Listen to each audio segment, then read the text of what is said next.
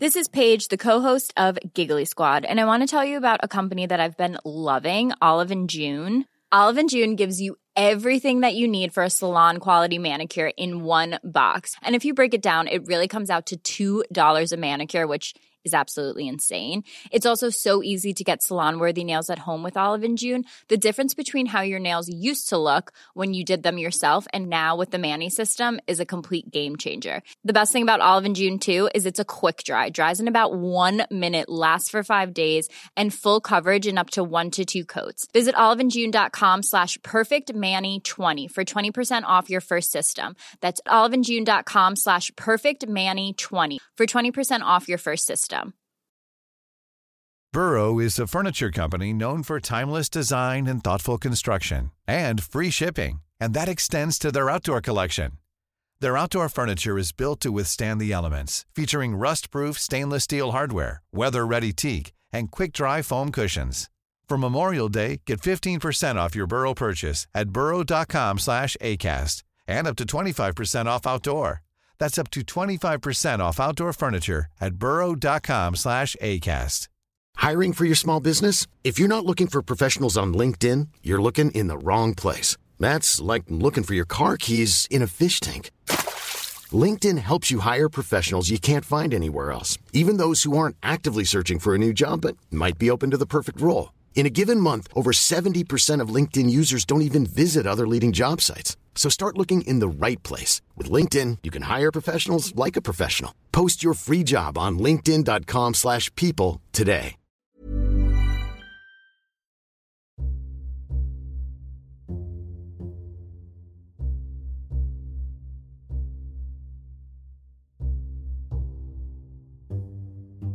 Du lyssnar på Rättegångspodden och på del två om fallet Vilma. Vi försökte ju ringa Vilma när vi förstod att de hade inte fått kontakt med Vilma. Och försökte väl få tag i Tisco också. Ingen har hört något från Vilma sedan torsdag eftermiddagen den 14 november. Det är nu söndag eftermiddag och både vänner och familj har hunnit bli ordentligt oroliga. Tidigare under dagen ringde Vilmas pappa till polisen och anmälde henne saknad. Varpå polisen då ringde upp Tishko som uppgav att han och Vilma hade bråkat och gjort slut och att han inte visste någonting om var hon kunde tänkas befinna sig.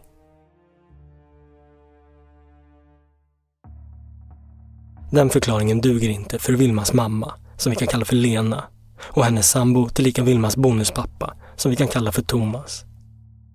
De försöker desperat skicka meddelanden till Tishko. Vi hör Thomas. Och jag vet i sista så skrev hon ju att var är hon? Och där fick hon ju inget svar. Och då sa hon ja, att nu vi måste åka upp och kolla för det, det är något som inte stämmer. Ja visst. Då Lena inte får något svar från Tishko så beger sig hon och Thomas ut till Tishkos lägenhet på Göteborgsvägen 23C i Uddevalla.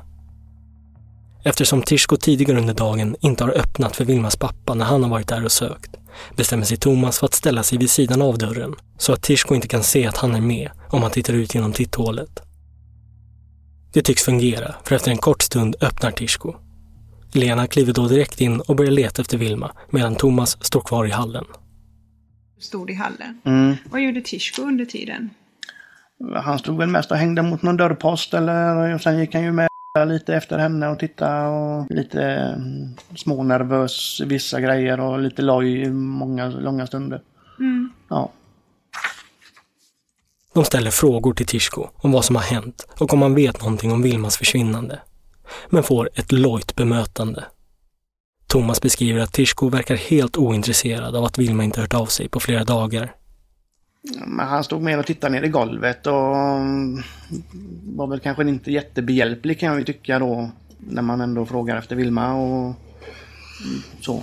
Var, vart hon kan vara eller inte eller så. Nej, det, hon gick ju därifrån som sagt så att det kunde han ju inte på något sätt förstå att han skulle ha någon ordning om detta.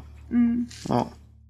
Thomas har aldrig tidigare varit inne i Tishkos lägenhet och kan inte bedöma huruvida någonting flyttats runt eller är annorlunda. Men menar att det inte var någon jätteoreda i lägenheten. Han noterar dock att det ligger aluminiumfolie utspritt på vardagsrumsbordet. Där slog ju någon foliegrej som hopviken lite sådär eh, halvdant men ja. Och det i och med att man någonstans runt det här lite drogmissbruk eller något sånt där. Om det nu är lite, jag, jag kan ju inte sånt men det var väl det man trodde att den var till. När de frågar vad det är som har hänt berättar Tishko att han har bråkat med Vilma och nämner att Vilma då kastat sina lägenhetsnycklar till honom. Vilket Lena reagerar starkt på, då Vilma inte skulle gjort sig av med sina nycklar i första taget. Om jag förstår det rätt första gången så hade ju hon i princip slängt ifrån sig nycklar och grejer och att så, så hade hon gått ut genom dörren. Slängt ifrån sig nycklar Ja, det var väl så det hette från början, ja. från början. Mm. Och när vi fick det till oss i lägenheten så ifrågasatte ju hon det ganska starkt så. Vilket då? Att hon hade slängt ifrån sig nycklarna. Okej. Och då ändrade han sig och talade om att om han hade tagit nycklarna ifrån henne, ja. Mm. Berättade han hur han hade tagit nycklarna? Han sa att han hade tagit dem ifrån henne. Alltså, sen vet inte jag om det var verbalt eller fysiskt men Tishko berättar också att Vilma tog med sig jacka och skor när hon gick. Men Thomas tycker att alla Vilmas jackor och skor verkar hänga kvar där i hallen. Lena propsar om att få gå upp på vinden och leta efter Vilma där. Något Tishko till en början tycks väldigt motvillig till. Ja, till slut. Hon fick väl fråga tre, fyra gånger om så, för han tyckte inte att vi... Det fanns ju ingen idé att gå dit upp, eller det fanns ju inget där att se, eller... Ja. Till slut ger Tishko med sig och alla tre går upp på vinden. Ja, så vi var ju där uppe, gick igenom. Det är ju förråd åt bägge håll, vill jag minnas, uppe på den här vindsvåningen. Och där var ju bröt inne i som... Mm, Jag ville minnas att det stod någon sopsäck med grejer i och så. Och Vilmas mamma Lena beskriver i sitt förhör att hon upplever Tishko som väldigt nervös när de är där uppe på vinden. Och han tycks inte vilja släppa dem själva där, utan håller noggrann uppsikt över var de går och var de letar. De får inte öppna upp och gå in i just Tishkos förråd. Men Vilmas mamma ser genom nätet att svarta sopsäckar står väldigt nära förrådets öppning. Hon tycker att det ser konstigt ut och drabbas av en väldig olustkänsla. Tishko säger då att han har kompisar som väntar på att möta upp honom och att de inte längre får vara kvar där uppe på vinden. Så de går tillbaka ner till lägenheten igen.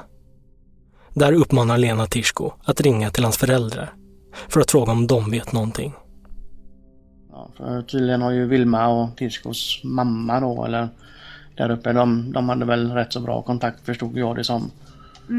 Så att... Eh, och det fick hon väl också fråga ett par, tre gånger innan han överhuvudtaget bemödade sig att slå ett telefonnummer och ringa. Eh, och det var ju ingen som svarade. Nej. Nej. Sen om han ringde rätt nummer eller inte, det vågar inte jag svara på men det... Lena och Thomas lämnar Tishkos lägenhet och med en dålig känsla i magen sätter de sig i bilen.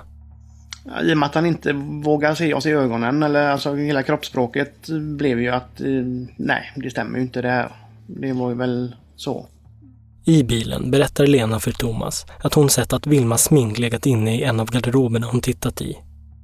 Och att Vilma skulle lämna lägenheten utan sitt smink är lika osannolikt som att hon skulle lämnat den utan sina nycklar. Någonting är fel, känner de. Kort därefter åker de och möter upp Vilmas kompis Malin, som bekräftar deras oro ytterligare, då hon också uttrycker att allting känns fel. Lena och Thomas beslutar sig då för att själva åka hem till Tishkos föräldrar, eftersom Tishko inte lyckades få tag på dem när han ringde. Om det nu var dem han ringde till. Thomas sitter kvar i bilen medan Lena kliver in hos Tishkos föräldrar. Lena beskriver hur Tishkos mamma blir alldeles skakig och nervös över att Lena kommer dit. Medan Tishkos pappa förklarar att de inte ens vetat om att Tishko och Vilma gjort slut. Och att de inte vet någonting om var de kan tänkas befinna sig. Utan några nya uppslag kring Vilmas försvinnande åker Vilmas mamma och Thomas hem igen.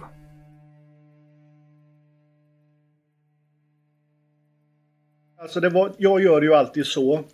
Vi har tre stora soptunnor. Och är det någon som då slänger typ en storsäck. Så ser jag ju det. Jag är där varje morgon. Och då brukar jag plocka ur dem. Och ställa dem åt sidan.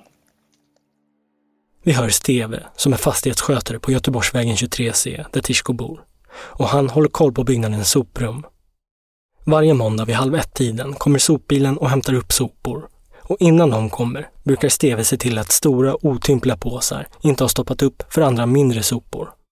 I så fall ser han till att inför upphämtningen plocka ur de otympliga soporna och lägga dem högst upp i tunnorna. Den här måndagmorgonen den 18 november noterar han två större soppåsar som han tycker är lite för stora för att få plats. Det var ju två lite större påsar som jag tryckte ner då och de ja, liksom blåste upp sig igen. Liksom. Men jag tänkte inte mycket mer på dem för de låg ganska högt upp i, i tunnan och det skulle vara tömning strax efter. Steven nöjer sig med att trycka till de här påsarna ordentligt, men upplever att innehållet i påsarna utvidgas. Eller som han uttrycker det, blåser upp sig igen. Så, eh, blåste upp sig menar du då? Ja, trycker du ihop någonting ja. så... Och vad kunde det vara i dem? Eller ja, ja, precis. Det, jag tänkte inte mycket mer på det utan det var ju att liksom när, det gick inte att klämma ihop den utan när man klämde den så ja. den upp sig. Och sen? Mer, mer har jag inte tänkt på det. Vid 8.30 tiden på morgonen lämnar Steve soprummet och noterar då en röd bil ståendes på parkeringen utanför. Och där ska inte stå någon röd bil. Det har aldrig stått någon röd bil där. Så det var väl en sån tanke jag gjorde där då att klockan där på morgonen att det stod en, en bil där på och då går jag fram, jag har ändå min bil också där borta och då ser jag att det är en kommunbil. Och mer tänkte jag inte på det. Då. Mm. Det, det är där man, man har ju lite koll på vilka bilar och när det står någon fel bil så brukar jag kolla upp vad det är. Man blir lite irriterad när folk ställer sig på någon mm. annans plats. Ja. Och sen nästa iakttagelse som... Ja, det var ju då Vilmas eh, mamma ringde ju mig där på förmiddagen. En stund senare ringer Vilmas mamma Lena upp Steve och förklarar att hennes dotter är borta och att hon vill söka igenom alla utrymmena i fastigheten. Det ställer Steve upp på och vid halv elva tiden dyker Lena upp. De går igenom tvättstugan och förråden i källaren utan att hitta något anmärkningsvärt. Och efter det går de tillsammans upp på vinden. Lena vill kolla där en gång till, utan att ha Tishko flåsandes i nacken. Så var det vi på ett ställe där, där, där vi har en en utgång till en sån här piskbalkong. Eh, ett gammalt piskställ hade, har vi haft där uppe då. Så jag går ut och ställer mig där lite grann eh, medan hon går inne och letar då. Och då när jag tittar över taket då. Då ser jag samma röda bil igen på parkering 10-11 där. Och då är klockan kvart i elva. Eller ja, halv tolv någonting kanske då. Medan Steve uppifrån vinden blickar ner på parkeringen när han återigen noterar den röda kommunbilen letar Lena genom vinden ytterligare en gång. Då upplever Lena att grejer har ändrat på sig inne i Tishkos förråd. Hon kan fortfarande inte komma in i just hans förråd, men kan utifrån se att det nu ser ut som att det saknas saker som hon tyckte sig ha sett dagen innan hon var där. Men hon kan inte specificera exakt vad som eventuellt flyttats eller saknas.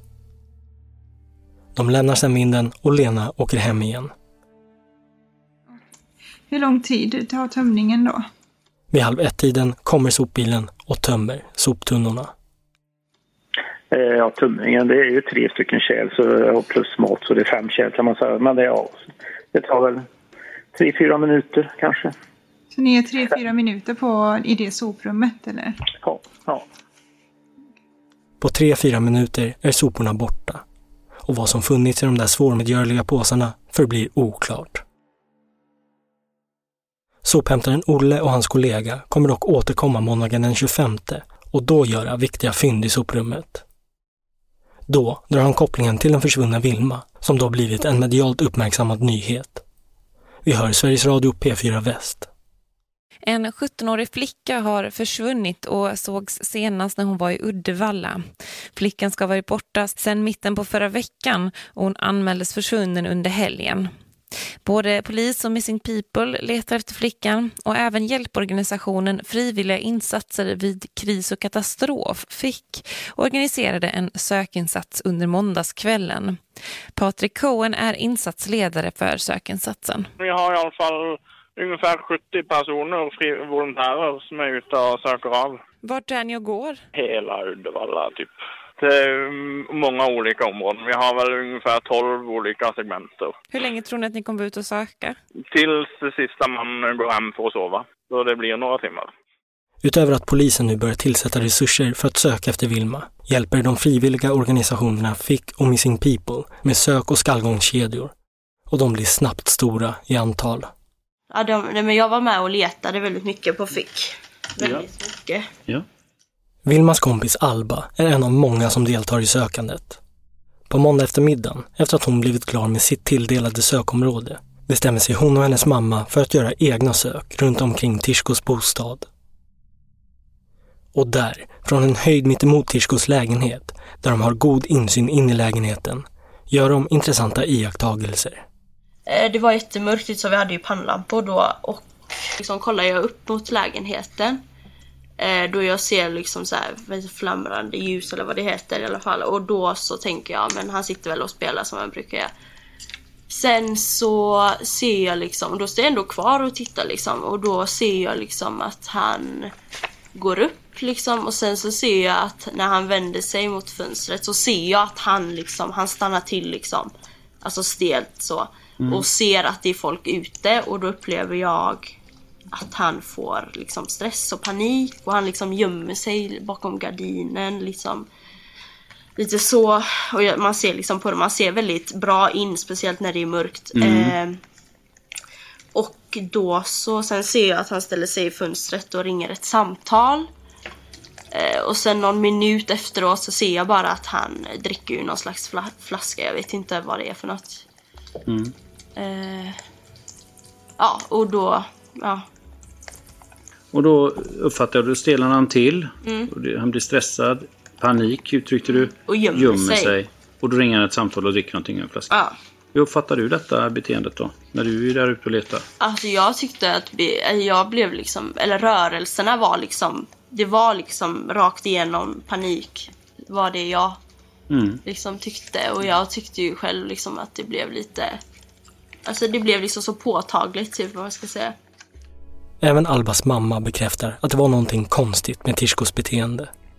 Eh, så då satt vi, tog vi och tittade in och då så såg han att någon, han såg ju inte att det var vi antagligen, men att någon var i med pannlampor och letade där.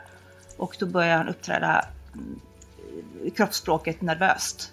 Mm. Eh, jag kommer ihåg nu så, så satte han på sig någon tröja och eh, gick bakom gardinen, tittade fram lite, gick, gick iväg, kom tillbaka, tittade fram igen och eh, så småningom i alla fall så ringde han ett samtal, tog upp telefonen. Om han ringde ett samtal vet jag inte, men det såg ut som att han ringde ett Mm. samtal. Mm. Det, det, ja. det, var, det var ett litet, eh, det kändes som att eh, det var en nervös reaktion helt enkelt. Ja. Åklagaren Jim Westerberg frågar Alba om hon vid den här tiden någonsin såg eller hörde något om att Tishko själv deltog i några sök efter Vilma. Nej, det har jag aldrig sett honom där. Eller där jag, på Fick har jag aldrig sett honom leta. Eller något sånt. Nej. Hur var det med efterlysningar? Efterlysningen. Eh, jag såg inte han lägga ut någon efterlysning förrän han ringde mig några dagar. Jag vet inte, jag kommer inte ihåg vilken dag men det var strax in på efterlysningarna kom ut i alla fall. Och så ringde han mig och frågade om jag visste vart hon var. Och då sa jag nej, vet du det? Och då tog det några sekunder innan han svarade. Och bara nej. Liksom, men jag tyckte ändå att det var liksom, det kändes inte så bra. Nej. Samtalet liksom. Eh, och sen efter det så såg jag att han hade lagt ut. Eller jag vet inte om det var i alla fall nära inpå så här, de kom ut och Fanns det några efterlysningar sedan tidigare då? Ja, jag vet, det var i alla fall nära in på efterlysningarna kom ut som han ringde mig. Mm. Okej. Och avslutningsvis, vad är det då, eller är det någon skillnad på den här? Att hon, att det, det ska, här säger Tishka att han skulle ha separerat då. Är det någon skillnad på den här så att säga? Separationen och andra som du känner till? Enligt din uppfattning. Vad kan du säga om det? den som hände nu sista ja, gången. Ja. Ja, det är väl det att eh, alla andra gånger så har han ändå varit mån av att ändå så här, se till att hon är okej okay och så. Men det reagerar jag ju när jag loggar in på snappen att det var ju inte ett enda meddelande. Mm. Och liksom andra gånger har han haft väldigt mycket mer engagemang med att liksom se till att hon är okej. Okay, men den här gången var det liksom verkligen ingenting. Mm. Och det gjorde mig lite fundersam. Ja. Då har jag inga fler frågor.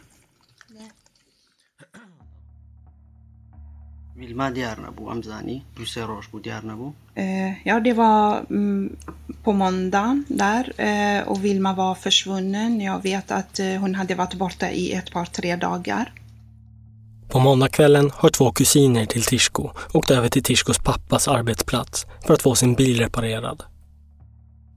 Där nämner Tishkos pappa att Vilma tycks vara spårlöst borta och att hennes föräldrar hade varit hemma hos dem och frågat efter henne. En av kusinerna, Baban, hade redan tidigare nåtts av uppgiften om att Vilma var saknad, men inser nu allvaret i det. Efter mötet med Tishkos pappa bestämmer sig kusinerna för att åka hem till Tishko och kolla hur han mår. Vi hör Baban. Eh, Tishko kom ner.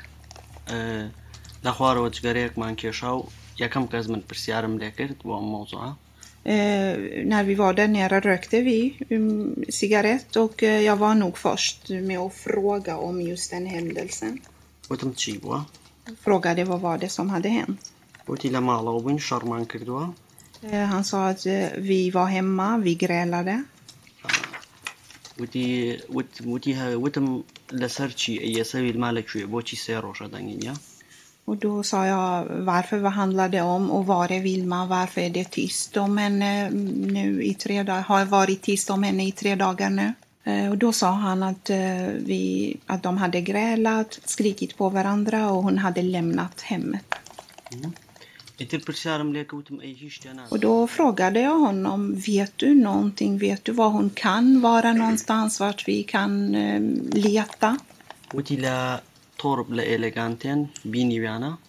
Eh, då sa han att man hade sett henne på torp vid Elgiganten. Wow. Mm. Ja. Torp vid Elgiganten hade man sett henne. Och, och, då sa jag, hur vet du det? Den personen som har berättat för dig, är med hen säker på det? Eh, och sen sa jag också att eh, det stället, det finns övervakningskameror. Du kan väl fråga kanske efter just dessa filmer, man kanske kan se den. Tishko berättar alltså för Baban att han har hört från kompisar att Vilma setts vid Elgiganten i centrala Uddevalla. Och det visar sig stämma att kompisar till Tishko hört av sig om det. Men det kommer senare visa sig att de misstagit Vilma med en helt annan tjej. Det här visste man inte om just då, men oavsett vad så tycks Tishko ointresserad av att följa upp spåret genom att anmäla det så att övervakningsfilmerna kan gås igenom. Vidare berättar Tishko att han tror att Vilma tagit sig till Ljungskile och Baban hinner tänka att hon kanske kan åka dit och leta efter henne. Innan de alla inser att det är en för lång resa och att de inte hinner det. När Baban pressar Tishko ytterligare om vad han vet om försvinnandet verkar Tishko undvika samtalsämnet. Alltså. Han sa att eh, men, eh, sluta prata om det, eh, sa han. Och vi märkte också, i och med att han, hade, han sa att eh, de hade grälat och hon kommer tillbaka som alla andra gånger. Då tänkte vi att ja, det, det, är nog bara det liksom. Eh, det är det du inte har, det står inte för att han skulle ha sagt så utan han verkar inte bry sig. Det är det vad, vad du framför i polisförhör.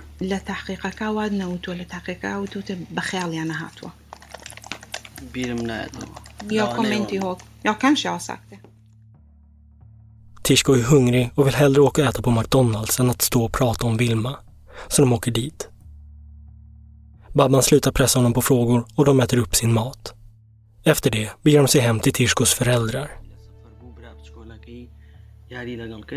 یاری لەگەڵ کرد Eh, Ja, vi kramade om mamman som hade nyss kommit hem från resan och eh, vi småpratade och eh, han lekte med sin lillebror. ئەمووی دوو سێ دەقە نەبوو لێ بووین باوکی تیشکۆ یەکسەر مۆزۆی کردەوە Eh, Vi, var, vi, kom fram, vi kom knappt fram dit, alltså ett par, tre tim- eh, minuter efter att vi kom dit så började Tishkos pappa prata om det. Han frågade mm, var är flickan? Vet du någonting om, om henne? Eh, och då sa han nej, ingenting. Vi har grälat, hon har lämnat hemmet. Baban berättar hur Tishkos pappa pressar Tishko på information om vad som har hänt med Vilma. Pappan hävdar att Tishko ljuger, att han måste veta någonting om vad som har hänt. Men Tishko intygar gång på gång att han talar sanning att han och Vilma bråkade och sedan dess har han inte sett eller hört något från henne. I en och en halv timme är de hemma hos Tishkos föräldrar och pappan återkommer gång på gång till Vilmas försvinnande.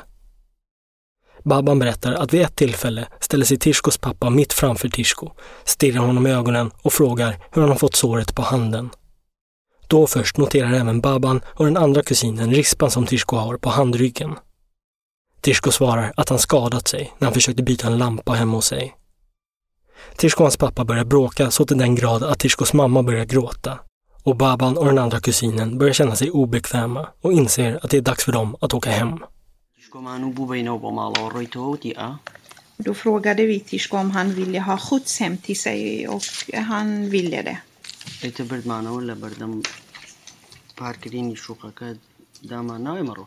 vi skjutsade hem honom, eh, släppte av honom vid, eh, på parkeringen vid, vid lägenheten och sen åkte vi vidare. Vid den här tiden på måndagskvällen har även Tishkos granne Peter, som vi hörde i del 1, nåtts av efterlysningarna av Vilma och kopplar ihop det med de skrik som han och hans barn hörde på torsdagskvällen. Desto mer jag tänkte på det här så kom jag på att det, måste, det måste vara henne. Så jag ringde polisen på måndagen och så sa att eh, jag har hört bråk. Eftersom det senare kommer råda osäkerheter kring exakt när skriken hördes vill åklagaren Sharzad Rahimi lyfta fram det klockslag som Peter då uppgav för polisen. Anmälaren dock säker på att det skedde runt klockan 18. Telefonnummer grannen Peter. Då har du sagt klockan 18 att du var säker på det då. Ja, jag, ja, jag, Kan det ha varit så att du mindes det bättre den 18 det, var, november? det var ju närmare tid då det... Ja. Det här blir intressant information för polisen.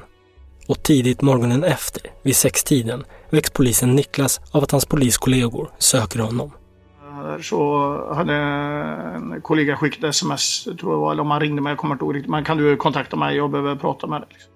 Niklas är den polis vi hörde i del 1 som plockade upp Tishko längs E6an. Och då berättar han där att eh, den killen som jag och min kollega hade plockat upp då är ju pojkvän till den försvunna Vilma där.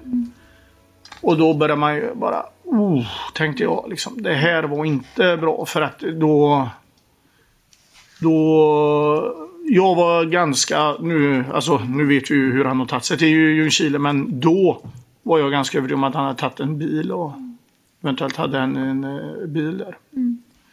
Eh, så jag, när eh, jag åkte bort till Trollhättan och blev upphämtad, då- eller jag hämtade upp en kollega så jag bad honom köra så fick jag ringa till grova brott och berätta. Då, för det, den här upphämtningen kom ju i ett annat sken mot hur det var tidigare. Då. Den information polisen nu fått in om att Tishko tycks vara den senaste som såg Vilma vid liv, att han av vittnen beskrivs som extremt svartsjuk och hans ointresserade bemötande med Vilmas föräldrar, hans konstiga agerande längs D6an samt att grannar hört högljutt bråk och kvinnoskrik från hans lägenhet på torsdagskvällen leder till att polisen beslutar sig för att anhålla Tishko. Den här tisdagsmorgonen skulle Tishko jobbat på hemtjänsten fram till klockan 16 på dagen. Men redan klockan 9 på morgonen avviker han från jobbet för att gå hem och lägga sig. Klockan 10 kliver två poliser in i Tishkos lägenhet efter att ha fått nyckeln av fastighetsskötaren och finner Tishko sovandes på sin soffa i vardagsrummet. Han grips och skjutsas in till polisstationen medan polisen spärrar av lägenheten. Sveriges Radio P4 Väst rapporterar. En ung man har anhållits misstänkt för mord i samband med försvinnandet av en 17-årig flicka som senast sågs i Uddevalla. Mannen hördes av polis på tisdagskvällen och nekar fortsatt till brott. Vid lunchtid under tisdagen så tog polisen beslut om att inleda en särskild händelse vilket i praktiken innebär att de trappar upp sökandet och får mer resurser. Vid halv två-tiden på dagen anländer kriminaltekniker till lägenheten, byter låskolv och påbörjar en brottsplatsundersökning. Samtidigt fortsätter sökandet efter Vilma med oförminskad kraft. Polispatruller från stora delar av landet har kallats in för att hjälpa till i sökandet efter 17-åriga Vilma Andersson. Det blir ett intensivt sökande även idag. Vi har en stor resurs har vi på plats och vi har en hundekipage då inte bara från Fyrbodal utan även från Skaraborg, Älvsborg. Polisen tillkallar extra resurser från runt om i landet och likaså gör frivilligorganisationerna FIC och Missing People. Sveriges Radio P4 Väst. Idag har vi varit ute med eh, nästan 25 patruller och eh, över 300 sökare. De kommer ifrån eh, hela Västsverige. Värmland, Skaraborg, Göteborg, Halland. Alla ställer upp. Ja, alltså det är ju någonting jag är orolig för varje dag, att det ska hända mig eller mina kompisar eller syskon. Man vet ju inte men man måste vara, försöka vara försiktig och det är jättetragiskt att det händer. Så det är därför jag tycker det är jättebra att Missing People verkligen finns. Att många gör detta liksom gratis och verkligen visar att de bryr sig. Vi är för gamla att gå med ut och leta. Mm. Och då sa jag till Bertil att jag har ju bullar i frysen så jag kan ta och åka och lämna dem så gör vi ju lite, ja. Något kanske... kan man göra i alla fall. Något kan man göra ja, ja. fast ni är gammal. De omfattande söken från både frivilliga och polisen pågår i flera dagar. Uddevalla, Nordmanneröd och Ljungskile är områden som prioriteras. Men då inga betydande fynd görs kallar man även in dykare. Polisens dykare fortsätter under torsdagen sökandet efter fynd som kan kopplas till det misstänkta mordet på Vilma Andersson. Dykningarna är koncentrerade till vattnet vid Bäveåns utlopp. Ett område som... Under dagarna som går förhörs Tishko. Men han är tystlåten och svarar mestadels med inga kommentarer. Vilma har varit spårlöst försvunnen i över en vecka vilket frustrerar och oroar de frivilliga sökarna. Det känns märkligt att det har gått så lång tid och att det inte går ja, att det inte går mer framåt än vad det gör. Sen vet ju inte vi vad som händer som inte kommer ut medialt såklart. Eh, så det, det, det har man ju förståelse för. Men, eh, men att det inte hittas mer saker eller att man inte... Ja, det har ändå gått så pass många dagar och det, det blir ju frustrerande. Eh, alla undrar ju såklart och ja, det hoppas verkligen att det ja, att det händer någonting mer inom, inom kort.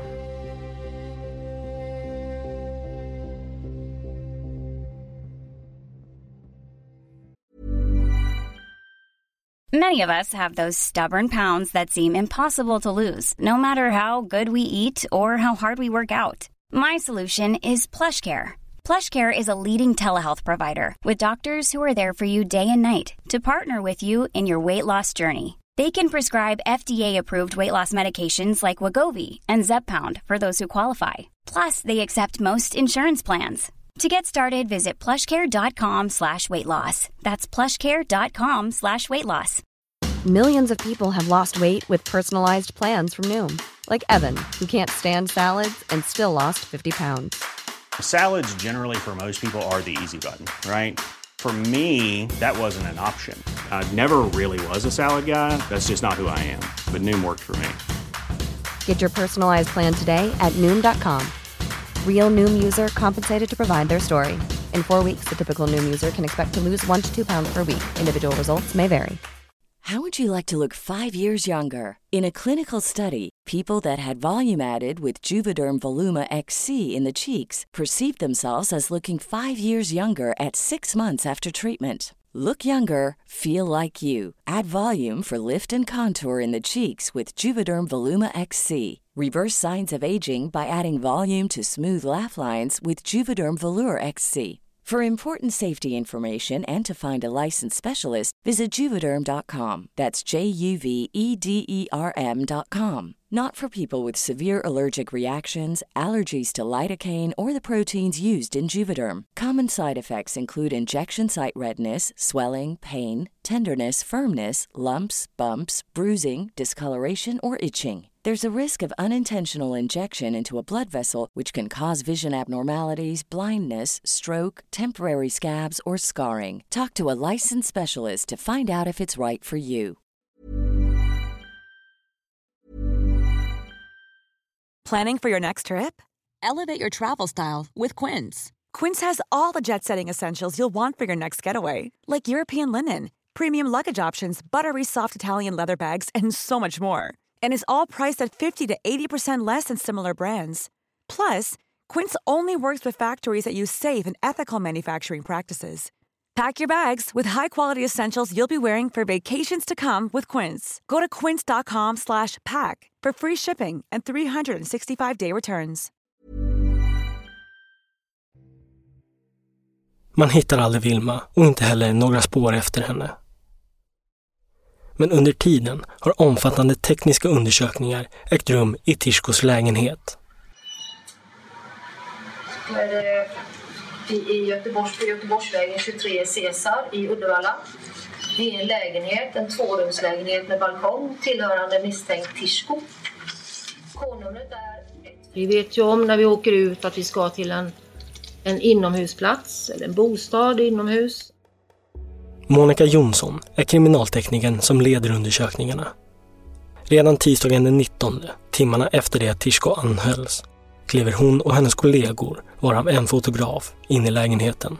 Och eh, kollegan går in och så går han i ytterkanterna på lägenheten och fotograferar av den här översiktsfotograferingen då. Mm. Så kom han ut och sa att eh, det är blodstänk på väggen vid balkongdörren. Det första de gör är att börja pappra in golven och förbereda sig för att utföra noggranna sök. Och de upptäcker direkt mer blod. På golvet, på skåp i vardagsrummet och på tvn och även blodstänk upp mot väggen. Så gjorde en svepande rörelse såg att det var blod på en, en Mm. fåtölj och, och på det här bordet, ett soffbord. Ytterligare något som de direkt noterar är att det ligger små dunfjädrar utspridda lite överallt i lägenheten. Eh, vi, vi kom aldrig fram till vad de... Det, det låg lite dun och fjädrar överallt, alltså inte jättemånga men det låg lite här och där i lägenheten. I vardagsrummet och i hallen, vi såg det inne på duschen, vi såg det inne i sovrummet. Men det var bara en iakttagelse Mm. som vi egentligen inte kom någon vart med. Vi tittade på en dunsocka, en sån här alltså en strump, en socka, en toffla gjord av dun. Ja. Eh, Men den läckte inte något speciellt. Nej, det stämde inte. Var dunfjädrarna härstammar ifrån kommer man aldrig fram till. Vidare noterar Monica en korthårig matta med ett nät under som ligger i vardagsrummet. Det är en typ av matta som Monica själv har hemma och hon har noterat hur den tenderar att böja sig uppåt när den utsätts för fukt. Något som hon ser att den här mattan tycks ha utsatts för.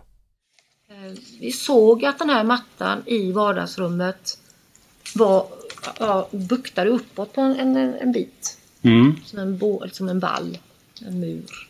Ja. Eh, lite, lite under eh, lite under soffbordet åt höger om man står med soffbordet framför sig.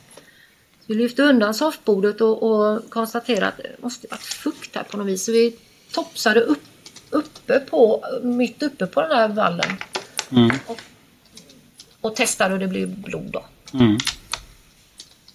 Så då vände vi då vek vi vek undan mattan där och då var det ju blod på undersidan också. Fast ingenting på golvet vill jag minnas. Mm. Men på mattan Mm. blodig. Placeringen på mattan, har du någon iakttagelse på det? Mm. Eh, den hörnan som är blodig är alltså in mot, eh, in mot där sofforna möts i hörnet. Tvåsits och tresitssoffan. Där hade vi inget blod i övrigt, varken på soffor eller väggar eller golv eller någonting. Så att jag började väl fundera på det. Men om man vrider på mattan 180 grader så hamnar den borta vid, mot, mot det här möblemanget vi har pratat om innan. TV och två skåp Mm. och den här eh, eh, fåtöljen. Då hamnar den mer där vi har sett blod innan. Och vad är det för slutsats du gör som kriminaltekniker på det då? Man har, man har städat och inte lagt tillbaka mattan så som den låg förut. Monica skriver ner alla iakttagelser i ett protokoll och betar av rum för rum. Och när hon kommer till badrummet noterar hon intressanta märken i golvet. Vi, vi såg ju att runt eh, avloppsbrunnen så är det, eh, fast det blir en upphöjning mattan och att mattan sen spricker. Det har vi kanske flera av oss sett hemma också. Och då blir det ju som en liten skarv som går upp och så blir det ju, det blir ju smuts där. Det går ju inte att hålla det rent i längden. Så vi tittar Mm. lite extra där och ja, Då ser vi de här som är som små ven istället. Det är kort, en skarp Mm. kortsida och sen så blir det som ett litet streck bort så här. Ett antal. De är rena. Mm. Och hur uppfattar du att det var för någonting då där? Ja, Någon form av hugg med någonting vasst. Eh, Man tänker ju en kniv i och med att den har ju en rak sida och så äggsidan. Mm. Och De ser ju helt annorlunda ut jämfört med de här skadesprickorna Mm. som är. Så förstår jag rätt att du var, du var annorlunda än de här äldre? Ja, ja, ja, det är två helt olika typer utav skador. Ja. Det tycks alltså vara knivhuggsliknande revor i badrumsgolvet. Tillräckligt nytillkomna för att inte ha hunnit bli smutsiga. Det är nu dags att med hjälp av kemikalien Bluestar få fram blod och stänk som inte ögat kan uppfatta. Man stegar tillbaka och mörklägger samtliga rum och sprayar Bluestar på möbler, golv och väggar. Fotografen som är med tar sedan bilder med 30 sekunders slutartid. Och bilderna som framkallas visar att det är blod och blodbesudlingar på väldigt många ställen, i samtliga rum. Och så kommer det här blåa och fluorescerade upp. Ja. Då... Alltså då har, ju- det, det var ju mycket blod på platsen. Eller alltså mängden blod vet vi inte men det har varit blod. Alltså det behövs så lite för att det ska smetas runt och städas runt. Det behövs väldigt lite för att Bluestar ska reagera. Men vad är slutsatsen? Hade det städats då? Absolut. Och det var för att du kunde se det genom Bluestaren, eller så? ja. Blod är ju väldigt svårt att städa bort. Det, det är väl nästan på omöjligt. Att någon försökt städa undan blodet i lägenheten står klart. Men den personen har varit långt ifrån att lyckas städa bort allt. På vardagsrumsgolvet görs nu ytterligare ett viktigt fynd. Man skymtar fotavtryck i en av blodbesudlingarna. Vi markerade ut var vi hade de här fotspåren eh, någonstans. Mm. Och så tog vi med oss, fick be, en ny begäran till NFC då att de skulle följa med oss ut och göra med amidosvart heter det, ett ämne som de använder sig av som de får förklara själva. Eh, för att framkalla det som man tror sig se då. För när de väl var färdiga sen så har Linköping gjort resten. Så, så hänvisar du till NFC där då? Det. Fotavtrycken säkras och proverna skickas till NFC för analys, vars undersökning kommer att visa att det är Tishkos fotavtryck i blodet och att han har avsatt avtrycken medan blodet har varit färskt. Men den här lägenheten döljer vid den här tiden ytterligare ett mycket viktigt och mycket makabert fynd. Det kommer dock att dröja flera söktillfällen innan det fyndet påträffas. Enligt Monica för att man måste vara försiktig och metodisk när man genomsöker en brottsplats.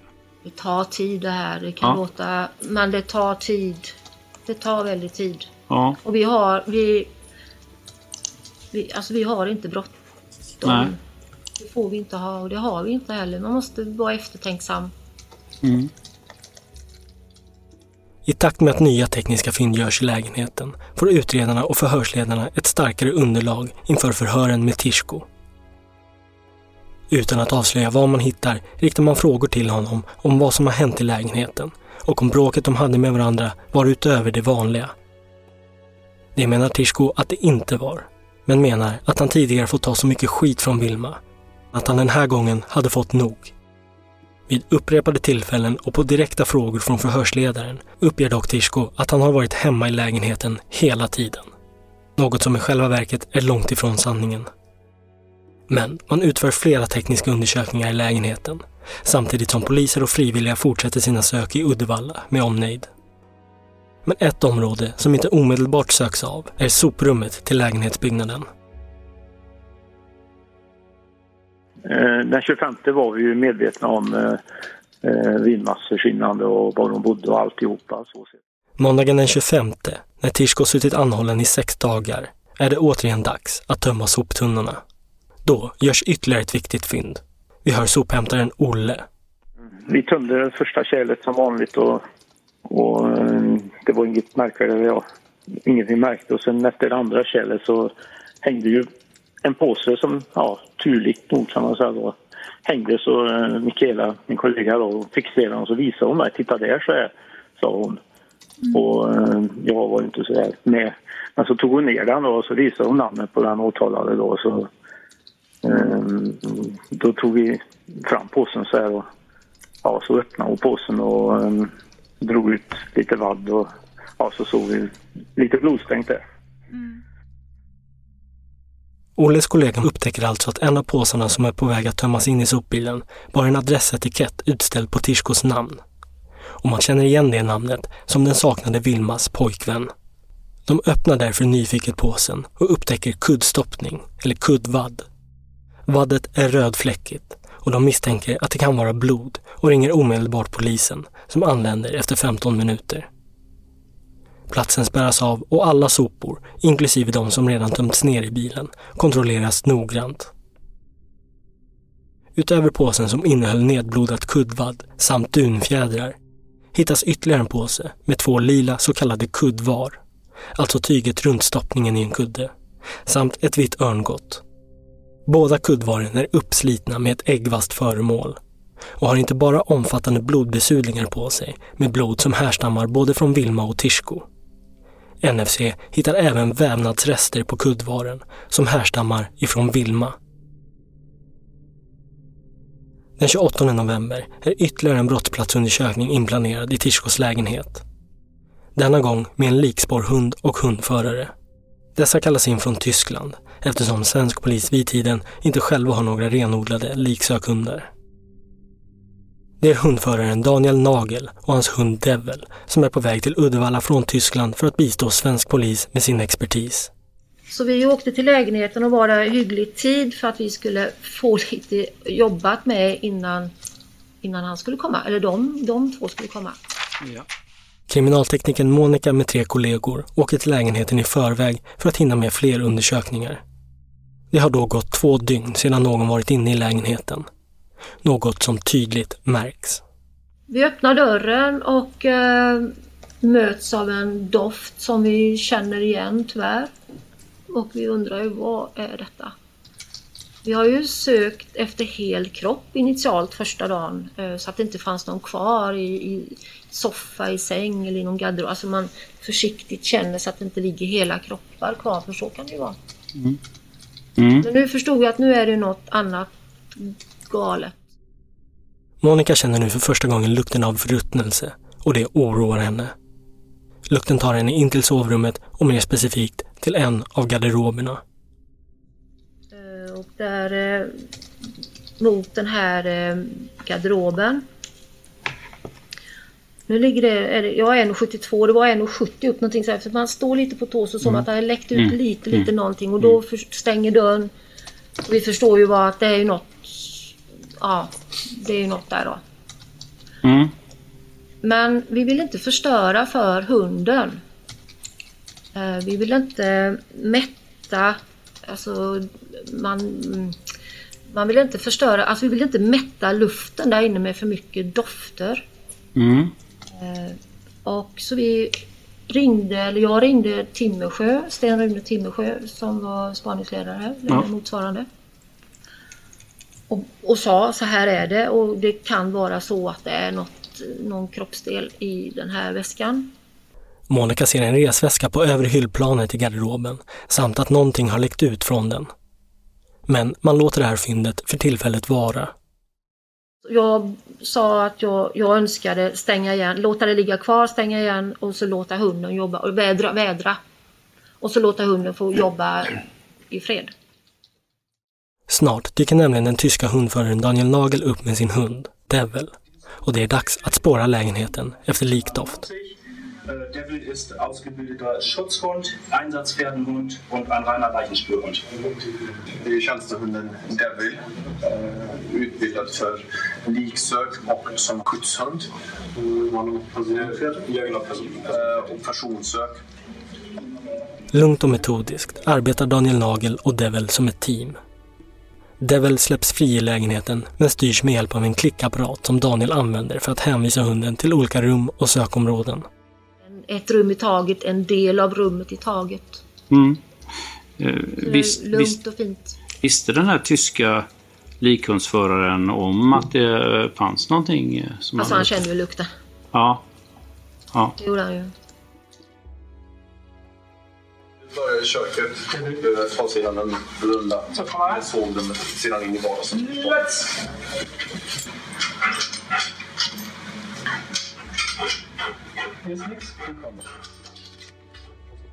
Hur markerar den här hunden eh, för lik då? Mein Hund äh, markiert durch äh, relativ punktgenaues Anbellen der Fundstelle. Eh, min hund markerade ganska eh, nära stället eh, genom att skälla. På Rättegångspoddens sociala medier kan ni se ett filmklipp på Daniel och Devil och de markeringar som Devil gör. För relativt omedelbart börjar Devil visa stort intresse för sovrummet, mer specifikt för sängen. Och det dröjer inte länge innan Devil börjar skälla kraftigt.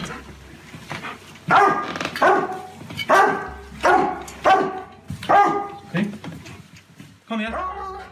Devil, som alltså är specialtränad på att enbart fånga upp spår av likdoft och alltså inte blod eller dofter från andra utsöndringar, markerar tydligt sängen. Nils habe auf dem Bett hat er angeschlagen. På sängen. Då mark- på, alltså han markerade på sängen. Och markeringen var, eh, var verkligen övertygande. Men under söket i sovrummet visas också intresse för en av garderoberna. Men där har Monica och hennes kollegor redan konstaterat att någonting finns och åtgärder har redan påkallats för att få resväskan undersökt. Um, ja, alltså det var också, om jag får tillägga detta, uh, en svår sök. Ett svårt sök för hunden. Eftersom i uh, garderoben där låg något där uppe. Och sen var det väldigt varmt där inne. Eh, Trots detta är ganska säkert eftersom hunden är en gammal hare, som vi säger på tyska. Eh, Så han tog säkert inte fel. Sorry, äh, der Hund war ein alter Hase und dann sagten Sie noch was? Dem macht man nichts vor. Ja, Also, ja, ja, det, man kan inte påverka honom. Okej. Nichts. Fertig. Sitzsäng. Stänger av kameran.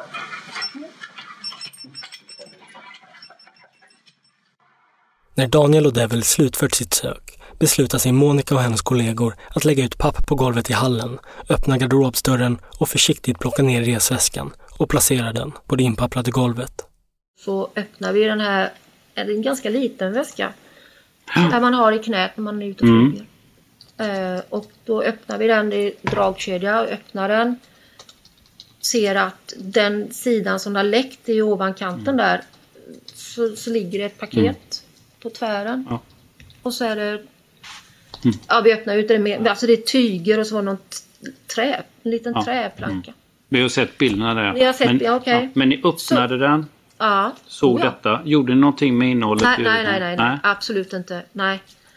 Nej, utan då blir det telefonsamtal till eh, rättsläkaren i, i beredskap, Anton Mittendorf. Mm. Och så fick han vända ner till Göteborg igen och så fick, åkte vi ner. Och så tog han emot det här. Nej, vi öppnar absolut ingenting där. Utan Mm. han tog emot detta och la det i kylrum och han tog även med täcket då. Mm. Eller det här täcket. Under fredagen den 29 november inkommer resväskan och dess innehåll till rättsmedicinska enheten i Göteborg och undersöks av specialistläkaren i rättsmedicin, Sonny Karlsson, och hans assistent Jessica Larsson. I resväskan påträffas ett väl inslaget paket av aluminiumfolie och brun packtejp. Och jag varnar nu känsliga lyssnare. Folien avlägsnas och man kan snart konstatera att det är Vilmas huvud som påträffats. Man kan nu med säkerhet konstatera att 17-åriga Vilma är avliden. Efter skiktröntgen och obduktion kan läkarna konstatera en blånad till höger i pannan, blånader till vänster i pannan och på den vänstra delen av ansiktet. Ytligt krossår och blånad vid det vänstra ögat med brott på den vänstra ögonhålans golv. Hudskada i pannan, hudskada på det högra ögonlocket med skador i den högra ögonhålan och i den högra ögonhålans tak. Hudskada genom halsen i nivå med den femte halsryggkotan med skarpkantade skador på köldbrosket. Utseendet av blånaderna, krossåret och brottet i vänstra ögonhålans botten talar för att de orsakats av upprepat trubbigt våld, såsom vid slag, och att de uppkommit före döden. Utseendet på hudskadorna i pannan, hudskadan på halsen och vid det högra ögat talar för att de orsakats av skarpt våld och att de uppkommit efter döden. I utlåtandet står även att på grund av avsaknaden av övriga kroppsdelar, förruttnelse och utifrån fynden vid undersökningen har dödsorsaken inte kunnat fastställas. Inte heller dödssättet kan fastställas. Men avskiljningen av huvudet från kroppen har orsakats av annan person. På utsidan av det skikt aluminiumfolie som ligger under det yttersta lagret folie och tejp säkras två fingeravtryck som bedöms vara avsatta i en sekvens och identifieras till misstänkte Tishko. Utöver att Vilma nu konstaterats avliden kan man konstatera att hon utsatts för kraftigt våld innan döden inträffade. Okej. Kriminalteknikern Johan Höppner, specialutbildad på blodbildsanalys, skickas nu ut till Tishkos lägenhet för att försöka skapa sig en bild av hur det här våldet kan ha uppstått. Det mest intressanta där tycker jag det är ju de här där det står en fyra och, och, och stänken de som är runda röda ringen. Johan finner många intressanta blodbilder, men lyfter ett stänk på vardagsrumsfåtöljens nedre framkant som extra intressant. Där påträffas cirkulära till brett ovala stänk, rinningar samt sidoriktade stänk. Ja, det som tyder på att en blodkälla med Vilmas blod har utsatts för någon kraft, typ slagvåld, på en höjd av, av cirka 15 centimeter som, som där blodbilden är på i, i, i genomsnittshöjd. Cirka 15 Nära centimeter? golvet Okej. har en, en blodkälla med Vilmas blod utsatts för en kraft, typ slag, stöt eller vad det kan vara. Mm. Och eh, eftersom eh, de där är cirkulära och har träffat 90 grader då kan man ju säga att eh, blodkällan har ju befunnit sig eh, rakt framför fåtöljen på en höjd som inte överstiger cirka 15 centimeter. Okej. När du säger blodkällan, vad kan man... Ja, blodkälla kan ju dels vara, det kan ju vara av blod, i det här fallet från Vilma, en, en blodpöl till exempel. Eller det kan ju vara ett öppet sår på en kroppsdel. Mm. För, för det, det kan vi aldrig se skillnad på om det är Mm. eh, en blodpöl eller ett öppet sår så att säga på kroppen. Det är inte bara blodstänk som påträffas, utan även vävnadsbitar har stängt upp mot väggar och möbler. Vilket indikerar att våldet mot Vilma har utförts med viss kraft. Men exakt hur kraftigt är enligt Johan svårt att bedöma. Innan den där kraften som har gjort att de har slungats iväg och hamnat där så, så, så har ju, som vi skrev, att det är ju en kroppsdel på Vilma som har utsatts för någon, en kraft som inte vi kan specificera in, som, som innebär att eh, det är vävnadsbitar som har separerats från någon kroppsdel på henne. Mm. Har du sett det tidigare?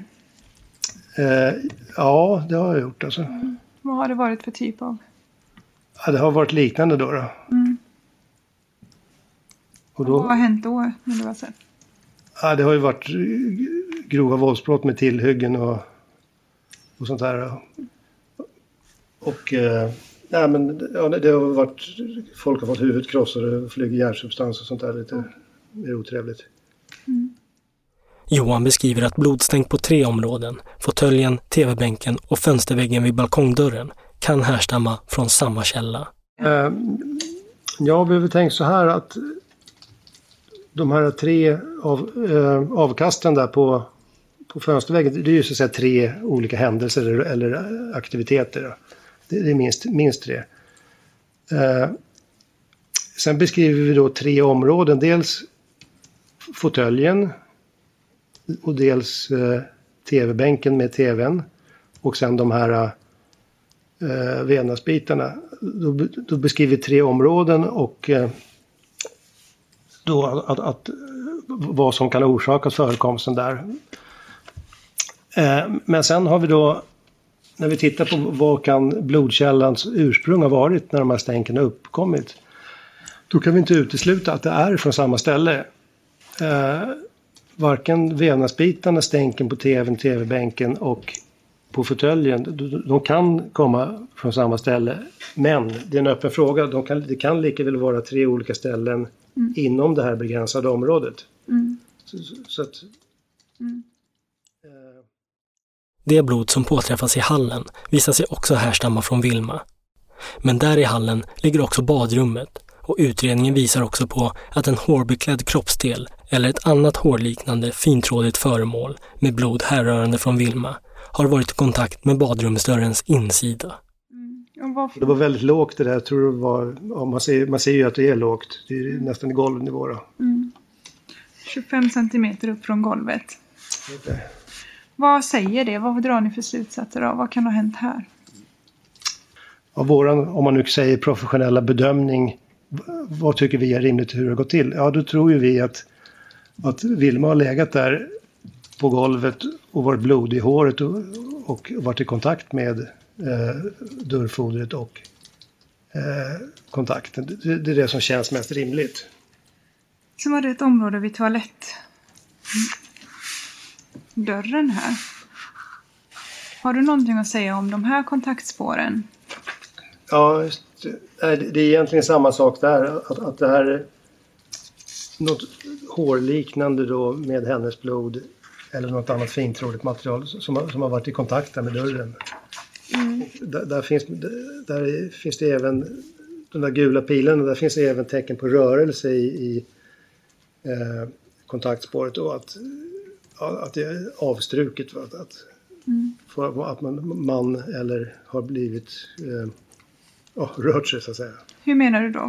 Nej, men att, att, att om man ligger där med sitt huvud, att man har rört huvudet så att man stryker av blod. Mm. Man kan säga en rörelseriktning då snett neråt där. Eller mm. att någon drar en eller så. Va? Antingen att någon drar eller att man ja, själv att man rör blir, på huvudet. Att man blir dragen eller rör sig själv om man säger så. Mm. Den sammantagna bedömningen blir att Vilma utsatts för upprepat trubbigt våld då hon i låg till golvnära position befunnit sig i vardagsrummet mellan fåtöljen och tvn. Vid denna plats har hon även utsatts för ett våld som inte närmare kan preciseras, men har varit av sådan karaktär att det separerat vävnadsbitar från Vilmas kropp. Under någon del av förloppet har Vilma förflyttats så att hennes blodiga hår har kommit i kontakt med en golvlist samt toalettdörrens insida och dess dörrkarm. Man tror att det är Tishko som slagit eller slagit och sparkat ihjäl Vilma. I takt med att fler tekniska fynd görs omhäktas Tishko gång på gång. Och i del 3 hör vi vittnesuppgifter om vad Tishko ska ha yttrat under sin tid i häktet. Vill de ha en mördare så ska de få en mördare. Hon fick vad hon förtjänade, den fucking horungen. Så det. Ja, den lilla fucking horungen tror jag att Och Tishko kommer att bryta ihop i häktet, skriva lappar om att man aldrig kommer hitta Vilmas kropp, för att sedan försöka ta sitt eget liv. Vilma Anderssons misstänkta mördare, hennes 23-åriga pojkvän, har förts akut till sjukhus från häktet. Men Tishko överlever och när det är dags för honom att ge sin berättelse i rättssalen menar han att det i själva verket är han som det är synd om här. Jag är den enda familjen till Vilma. Jag är anhörig, jag är målsägande i det här målet. Ansvarig utgivare är Jonas Häger och mitt namn är Nils Bergman. Tack för att ni har lyssnat.